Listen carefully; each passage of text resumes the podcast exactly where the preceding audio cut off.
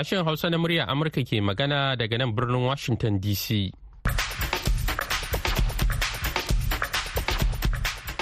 Masu sauraro Assalamu alaikum barkanmu da wannan lokaci yanzu ma Muhammad Hafiz Baballe ne tare da Aisha Ma'azu da sauran abokan aiki ke farin cikin gabatar muku da wannan shirin na dare yau Laraba 17 ga watan Janairu na shekarar 2024. A cikin shirin namu nan za ku ji cewa hukumomin jihar Oyon Najeriya na ci gaba da gudanar da bincike kan fashewar wani abu da ya sanadin mutuwar akalla mutane biyu tare da jikkata wasu.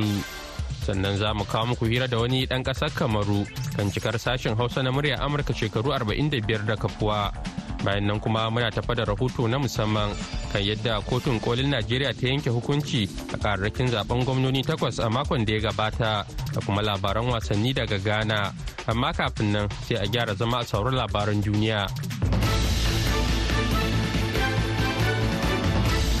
Masu sauraro assalamu alaikum da fatan an wani lafiya. Ga labaran duniya.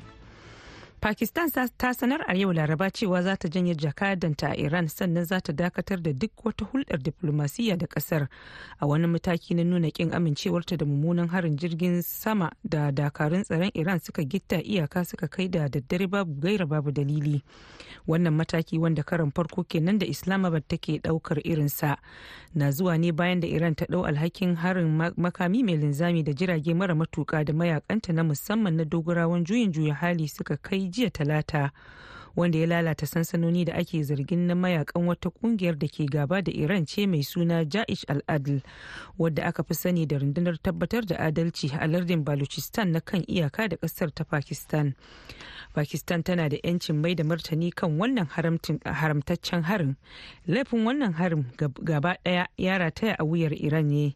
A cewar wani mai magana da yawun ministan cikin gida mumtaz zahra baluch a wani gargaɗi da ya yi cikin wata sanarwa da aka yada ta kafar talabijin na ƙasar akalla mutum sha takwas ne suka mutu bayan wata fashewar da ta auku a wani kamfanin sarrafa wutar tartsatsi a tsakiyar thailand a yau laraba a cewar wani ma'aikacin kamfanin. An gano mutane sha takwas da suka mutu a cewar ma'aikacin. Yana mai rage kiyasin ashirin da ya yi da farko. Fashewar ta auku ne da misalin ƙarfe uku na rana kusan da wato kusan garin salaka da ke tsakiyar lardin sufan bori. Ya wato 'yan sanda sun gaya ma afp cewa hukumomi suna nan suna tantance adadin mamatan. An rasa rayuka. Muna nan muna tantance alkalman waɗanda suka mutu.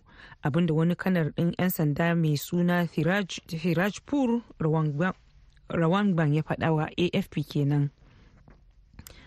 Sojojin ukraine sun faɗa a yau laraba cewa sun tarwatsa jirage mara matuka tsakanin 19 zuwa 20 da rasha ta harba a wani harin cikin dare.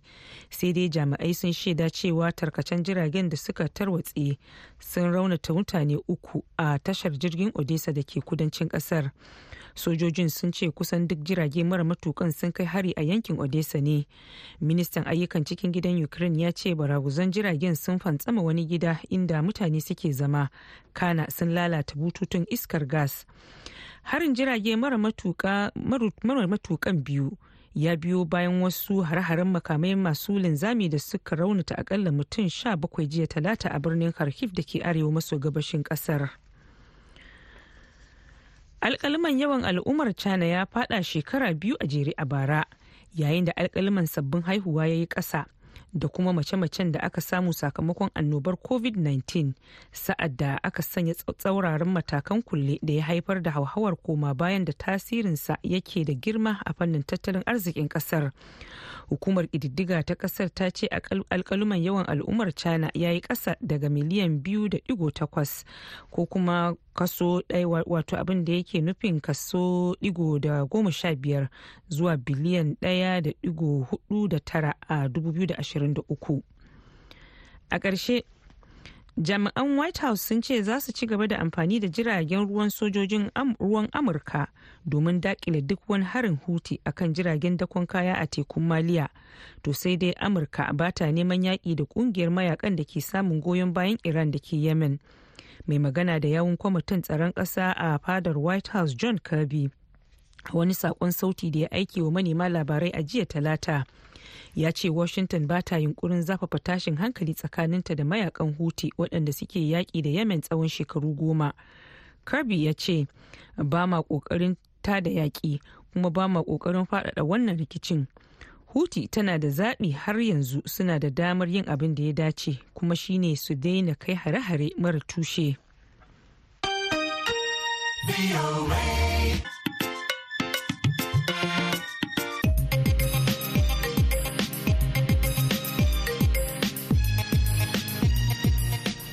Labaran duniya aka saurara daga nan sashen Hausa na murya Amurka a birnin Washington DC.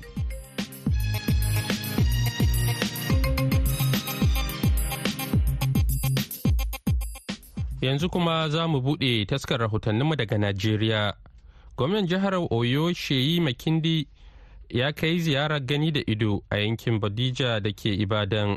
Inda aka samu fashewar wani abu da ya yi sanadin mutuwar mutane akalla biyu tare da jikkata wasu da dama da kuma lalata wasu gine-gine.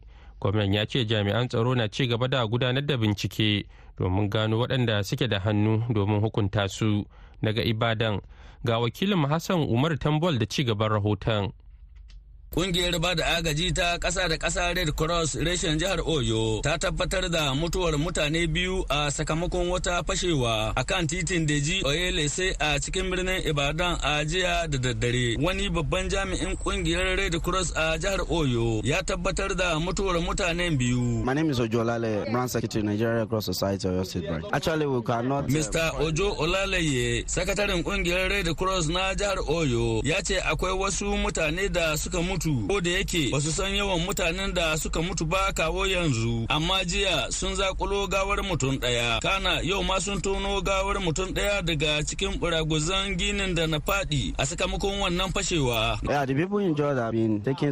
Ya ce mutanen da na ji raunuka sun fi mutane goma sha biyar kuma an kai su wata asibitin da ke kusa don a yi musu jinya. Na kara tambayarsa kimanin gidaje nawa suka lalace? Sakataren ƙungiyar red cross na jihar oyon ya ce gidaje sama da ashirin da biyar suka lalace a sakamakon wannan fashewa. Ko sanata mai wakiltar jihar oyo a majalisar dokokin najeriya sarafa din don ali ya ce bayanan da suke da su har da bayanan gwamnatin jihar oyo ya nuna cewa wannan fashewa tana da nasaba aikace-aikacen harkar ma'adanai. Bayanan 'yan sanda masu kwance bama bammai ba za su yi cewa ga abin da ya yi sanadin wannan fashewa ba a halin yanzu. Amma masu harkar ma'adanai suna zaune ne a wannan yanki. Likely to be connected with uh, activities of illegal mining. Daya daga cikin waɗanda lamarin ya shafa ya ce fashewar ta lalata musu ofishoshinsu kana sun ji fashewar ga tsawon kilomitoci bakwai zuwa tara. Don haka gwamnati ta yi binciken kwakwa don gano sanadiyar fashewar.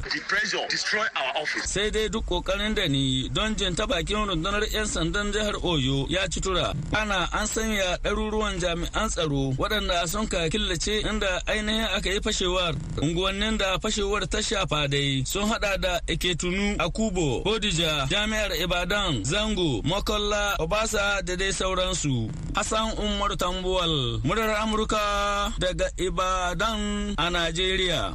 A gaida Hassan Umar Tambuwal. Yayin da muke ci gaba da kawo muku rahotanni na musamman kan bikin cika sashen Hausa na murya Amurka shekaru 45 da kafuwa. Wakilinmu a Kamaru Bashir Ladan ya tattauna mana da Musa Usaini kakakin attajirin Kamaru Alhaji Baba Dan Fillo wanda ya fara taya sashen Hausa na murya Amurka da murna cika shekaru 45 da kafuwa.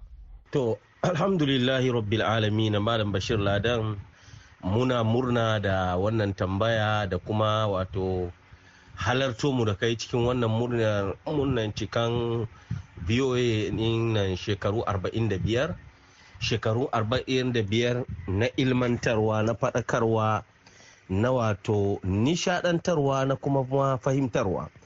To kaga muna tsammanin cewa wato wannan aiki ne wanda gama gari ne.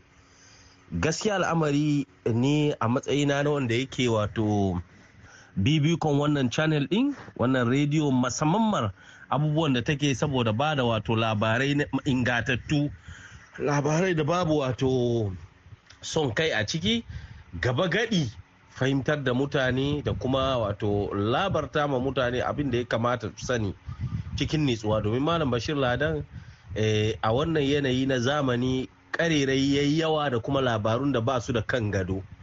To bisa ga haka ne muke bin wato voa saboda irin ƙoƙarin da take yi domin ba mu labarai na gari. Musamman ma ababe da yawa ma a nan mu wanda suka dan sha duhu mukan ji labarunsu wato ta hanyar voa saboda ita wannan channel na voa nan tana riƙe ne da wato 'yan jaridu wanda suke da adalci sanannu masu son ci gaba. To ina tsammanin cewa wannan shine abin da zan iya faɗa. Game da shawara abu ɗaya ne kawai zan bayar kamar shawara a ci gaba da ƙoƙari da jihadi wajen ganin cewa ana ba ma mutane labaru da suka dace. Sa'an nan duba da haka ya kamata wato a daɗa tafiyar da abin inda bisa kan nizami kamar da aka saba yi ba tare da an samu tikas ba ko da yake babu wani aikin da yake bayi da kuskure a nan bayan duniya amma sai dai shawarinmu a ci gaba da ƙoƙari kada a gaza Musa Usaini kakakin attajirin Kamaru Alhaji Baba Dan Filla kenan a hirarsa da Bashir Ladan. Kafin mu je ga rahotonmu na musamman kudan shakata da wannan waƙa.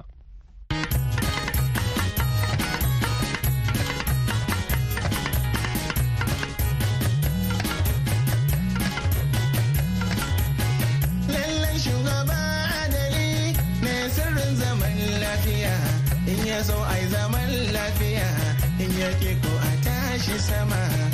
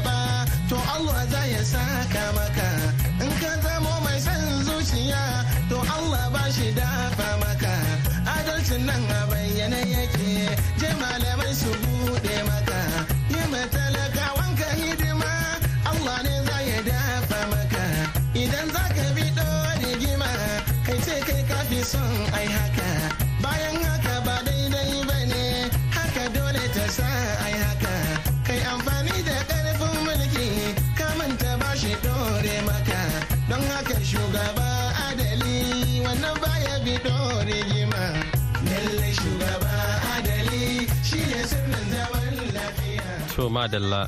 Yanzu kuma sai rahotonmu na musamman kan ra'ayoyin 'yan Najeriya a game da hukuncin da kotun kolin ƙasar ta yanke a shari'o'in zaɓen gwamnoni takwas a makon da ya gabata. Hassan umar tambol gare ka.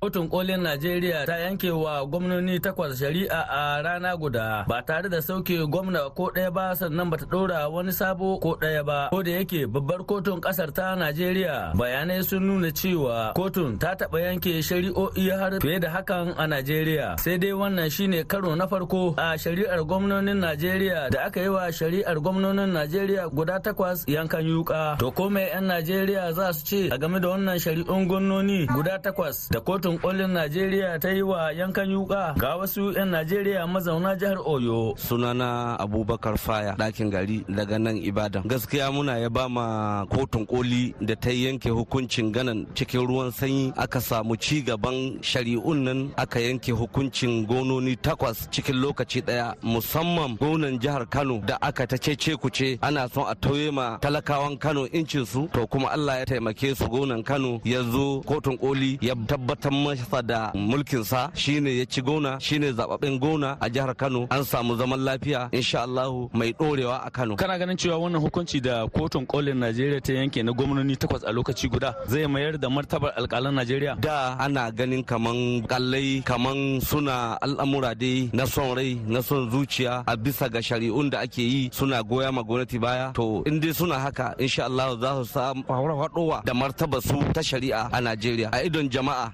Kabiru Kiti. To gaskiya ta yi ƙoƙari kuma ta yi duk wadda aka so. Saboda mu a gabaki ɗaya ba ma Najeriya Afirka gabaki ɗaya duniya gabaki zaman lafiya muke so. Dan in babu zaman lafiya babu abin da zai tahi daidai. To kotun kolin kuma tabbacin tabbacin ta yi daidai kuma ta kyauta ta yi duk wadda aka yi. Dan mu talaka mu haka muke so. Inda ya kamata ta yi gaskiya ta yi gaskiya. Inda kuma ya kamata talakawa suka bi wurin saboda a samu kwanciyar hankali ta bi. Yanzu kamar ka kamar gwamnan Kano mu mun ji daɗi daɗi. Ba arewa muke ba amma mun ji daɗi saboda in arewa babu zaman lafiya to duk ma Najeriya gabaki ɗaya babu zaman lafiya. Saboda haka mu mun ji daɗin da ta yanke wannan hukunci ta ba abba kabir gida gida da mulkinsa. Kuma ƙarin mahimmancin samun zaman lafiya Kano. Dan Kano in ta, ta bata zaman lafiya da duk arewan nan wallahi rikicewa za sai dai Allah ya kyauta. Sunana Abubakar dan gidan gero. Kotu ta yi daidai ta yi mi? da ta yanke hukuncin nan kuma ta tsaya nan yadda da muke ta maha a yi shi. Gwamnonin nan da a sama ba a canza su ba ba a ce musu sun haɗe ba an ka ce su suka ci guda takwas. Har dai magana ƙarin gwamnan Kano. An daɗe ana ce ce ku ce a game da gwamnan jihar Kano. Kuma yanzu gashi Allah ya yarda ta mayar masa da mulkin sa me zaka ce? To abin da zan ce ga mulkin Kano ga gwamnan Kano shi sai in ce mai alhamdulillah haka mun kaso mu talakawa. Saboda ba mu so a ce an tumbuke shi ba an yi cin huska. Yana saman mulki ana dibin mutane na son shi. A ce yau ba shi ba ne wani ne. An kawo wani an aza shi an ture shi. Da a ce kai Allah ya kiyaye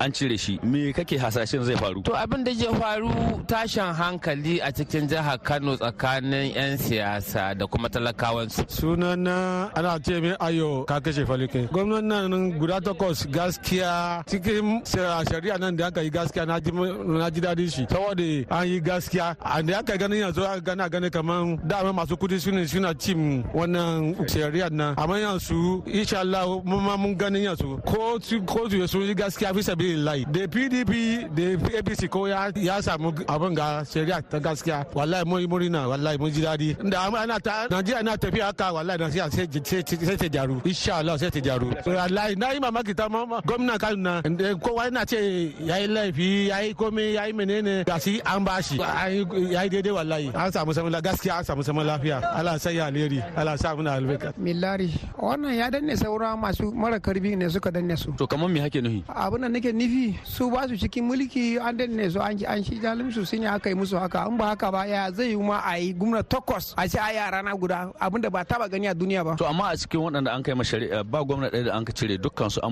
mayar musu da mukaman su eh dama ai lokacin ma jaben da aka yi din haka da suka yi din ai ba duka za su yi su yi gaskiya ba. Akwai wanda sun shira gaskiyan su amma ana yi musu ana yi musu rigima na banza. Amma yan Najeriya da yawa na ganin cewa wannan shari'ar da kotun kolin Najeriya ta yi na yanke hukuncin gwamnoni guda takwas a rana ɗaya zai mayar da martabar alƙalan Najeriya da kotuna ga 'yan Najeriya. Ai ya kamata a shirya wayansu a bar wayansu wanda baya da gaskiya a shirya su ba za a yi gaba ɗaya zai zama mutum takwas yana da gaskiya ba ba zai yi mutum takwas gaba ɗaya yana da gaskiya ba. To amma an bincika lauyoyi sun gabatar da kararraki kuma an ga cewa kowane su da wanda ya kara da wanda aka kara duk sun cancanta a bar su da mukaman su ba ganin cewa wannan alƙalan kotun koli sun yi daidai. To Najeriya ana abun daidai ne? Ba abun abun daidai. Mana karɓi ake dannewa. Yanzu kai baka yi ba ma abin da alƙalan Najeriya suka yi ba a game da wannan shari'a. A ni kan ban ga gaskiyan shi ba dan. Ba ga ƙoƙarin su ba. Ni ban ga ƙoƙari ba mutum takwas gaba ɗaya zama yana da gaskiya ban ga ban ga ƙoƙarin shi ba. Barista Siraju Dan Baba lauya ne mai zama kansa a Ibadan fadar gwamnatin jihar Oyo ya ce kotun kolin ta Najeriya ta yanke hukunci ne a bisa hujjojin da ke gabanta. Kagan kotun koli sun yanke hukunci ne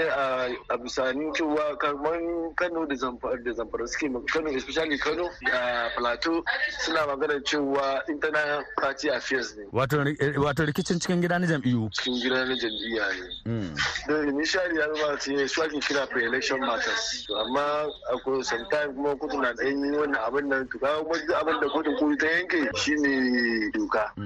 Kuma sun babba da abin da ba ban samu na karanta judgment into the full ba. Amma one of the abin da suke magana cewa ba aikin kotu ba ne wannan magana pre-election matters magana ne ta cikin gida. Kamin ku ba zan ya bambanta da kesin da ya faru a Zamfara. Zamfara 'yan cikin gida ke faɗa su biyu. Barista wannan shine karo na farko da kotun koli ta yanke hukunci na gwamnoni guda takwas a rana ɗaya ku a matsayin ku na masana shari'a ya kuke kallon wannan hukuncin ko kuma ya kuke kallon wannan hikimar yin hakan eh daman ka san shi judgment da ake faɗi in ana karantawa.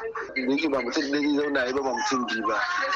Ka gane kuma kowanne yana da panel ɗinsa da suke sun sha sun sa rana ɗaya da su suna yanke shirin yanke shari'a ishirin ma a rana ɗaya. Bai saba su doka ba. Shi ne. Kuma amma kuma sun zaba kuma yana da lokaci da ya kamata a ce an yi har zuwa supreme court. Ya kasance abin da electoral act ya bayar. Yana da lokaci da ake ajiyewa. Saboda haka to kuma bai kamata a ce an samu matsala ya saba ga lokacin daga farko har ƙarshen shi ba. To shi ne ka'idar. To kuna ganin cewa wannan hukuncin da kotun koli ta yanke rana ɗaya na gwamnoni takwas menene hikimar yin haka? Dama ai na gama suna yi saboda akwai abin da zai faru cewa ganin lokaci na ɗaya zai zama lokacin da time da aka ba su da ya kamata a ce an yanke hukuncin. Kamar shi electoral matters yana da lokaci. Ba a so ya wuce kwana ɗari da tamanin daga farkon shi ƙarshe shi. Kwana ɗari talatin su nawa kenan. Zai baka wata shida kenan. wato sun yi amfani da iyakar lokaci shi yasa suka yanke shari'ar gwamnoni takwas a rana ɗaya. a ranar ba wai wani sabon abu ba ne gwamnonin da aka yanke wa hukuncin da sun hada da gwamnan lagos kano zamfara ebonyi plateau abia cross river da kuma jihar bauchi. Wannan hukunci na kotun kolin najeriya da ba shakka ya ɗaukaka daraja da mutuncin alkalai da kotunan najeriya wanda yasa 'yan najeriya har yanzu na ci gaba da yabawa alkalan da kuma kotunan najeriya. Kana hukuncin kotun kolin ta najeriya ya sanya ya zazzafan siyasar da yake barazana zaman lafiyar wasu jihohin najeriya musamman jihohin kano da plateau inda harkokin siyasa ke ta dumama kafin yanke hukuncin. Hassan umar tambuwal muryar amurka daga ibadan a najeriya.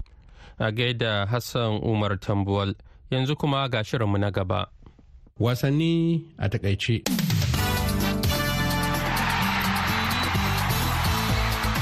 Mu labarin wasannin na yau ne da gasancin kofi na Afirka da yanzu haka ke gudana a ƙasar d'Ivoire. Inda abubuwa masu mamaki sun karinka bayyana a ainihin gasar. Ranar farko na gasancin kofin na Afirka Ivory Coast mai karɓan bakuncin gasar ta yi nasara da cibiyu da nema a kan ƙasar Gini Bissau. Nigeria da Equatorial Guinea sun kai kundin doki ɗaya da ɗaya. Sai Masar da Mozambique biyu da biyu. Kasar ghana ta faɗi da ci biyu da ɗaya a hannun cape sai senegal wacce ta yi kace-kace da ƙasar gambia ci uku da nema. Kamaru ɗaya gini ɗaya algeria da angola kau ɗaya da ɗaya sai burkina faso ɗaya martaniya na nema namibia ɗaya tunisia na nema mali biyu afirka ta kudu na nema. Faduwan ƙungiyar black stars ghana hannun cape verde ya jawo damuwa ainihin inda labari ya nuna cewar sai da wani mai sha'awan ƙwallon ya farwa mai koyar da blasters din wasa chris Hifton sai da aka yi kamar ana yi aka kwato shi. A dalilin haka hukumar ƙwallon kafar ƙasar ghana gfa ta bayyana da goyon bayanta ga mai koyar da blasters din wasa coach chris Hifton bayan kashin da ghana ta sha hannun cape verde a wasansa na farko a gasar cin kofin na afirka na shekara ta 2023 a ivory coast. Duk da wannan koma baya hukumar tana da imani akan abu da Hifton zai iya yi ya canja matsayin blasters a cikin wani jawabi da kakakin ƙungiyar henry asante chum ya gabatar. Hukumar gfe ta jaddada cewar hadari da ya abu tsakanin Hifton da wani mai sha'awan ƙwallon da an ka ba da labari bai yi munin yadda aka ba da labarin ba. Har yau dai akan black stars din ghana mai koyar da kasan masar wasa kocin rui victoria ya bayyana sha'awansa ga kwararren dan wasan ghana muhammad kudus amma ya hakkake da ferus. Sun shirya su fuskanci ƙungiyar mai kwararrun 'yan wasa ba kwararre ɗaya ba. Kudus dan wasan west ham united bai yi wa ghana wasa a wasan ta na farko da cape verde ba a ranar lahadi sai dai zai taka leda a ainihin karawar da za a yi da masar. Ba muna shiri don kudus kadai ba ne ina fata ya yi wannan wasa saboda dan wasan ƙwarai ne. Ina sha'awan ganin kwararrun dan wasa na baje kolin su a wannan gasa sai dai hankalinmu ba a kan shi kadai yake ba. Ganin cewa black stars na da tarin kwararrun 'yan wasa in ji victoria. Shi kuma mai koyar da afirka ta kudu wasa coach mankuba makwiti ya zargi wasu 'yan wasan turai da ke cikin ƙungiyar wasan ghana da rashin nuna kwazo a kashin da sun kasha hannun keve da a gasar cin kofin afirka na shekara ta 2023 makwiti wadda shine mai koyar da mamelodi sundown wasa ya ce ya yi imani. Kurakuran 'yan wasan baya ba na mai tsaron gida richard fori kadai ba ne. Ya nace cewar wasu 'yan wasan sun ki su yi aiki a wasan yadda ake buƙata saboda suna ganin kansu masu fifiko a kan abokan wasan nasu. Da wannan muka iso ƙarshen labaran wasannin. Rajwan allah muktar abbas sashen hausa na muryar amurka accra ghana.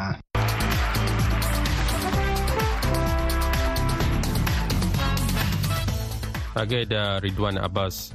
Kafin mu kai ga shirinmu na ƙarshe ga wannan sako.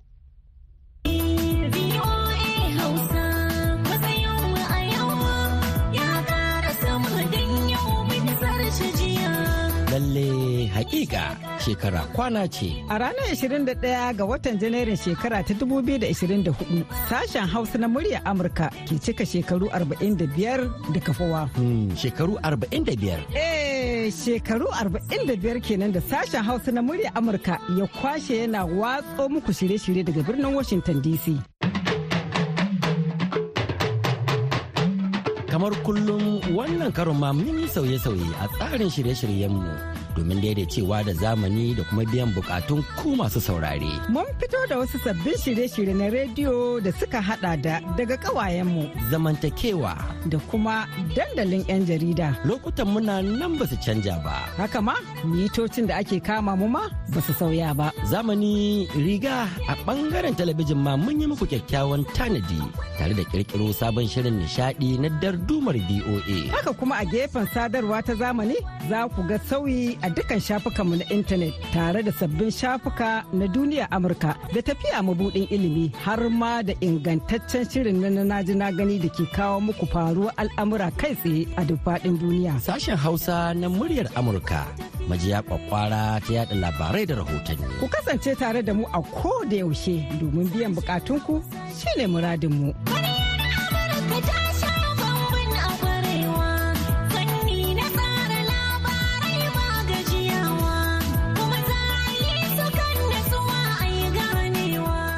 So madalla yanzu kuma ga labaran duniya a taƙaice.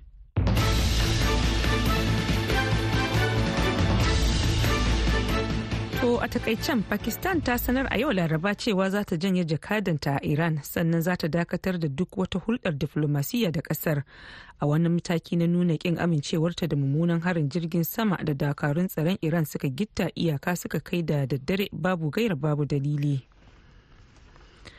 Akalla mutum sha takwas ne suka mutu bayan wata fashewa da ta auku a wani kamfanin sarrafa wutar tartsatsi a tsakiyar thailand a yau laraba a cewar wani ma'aikacin kamfanin.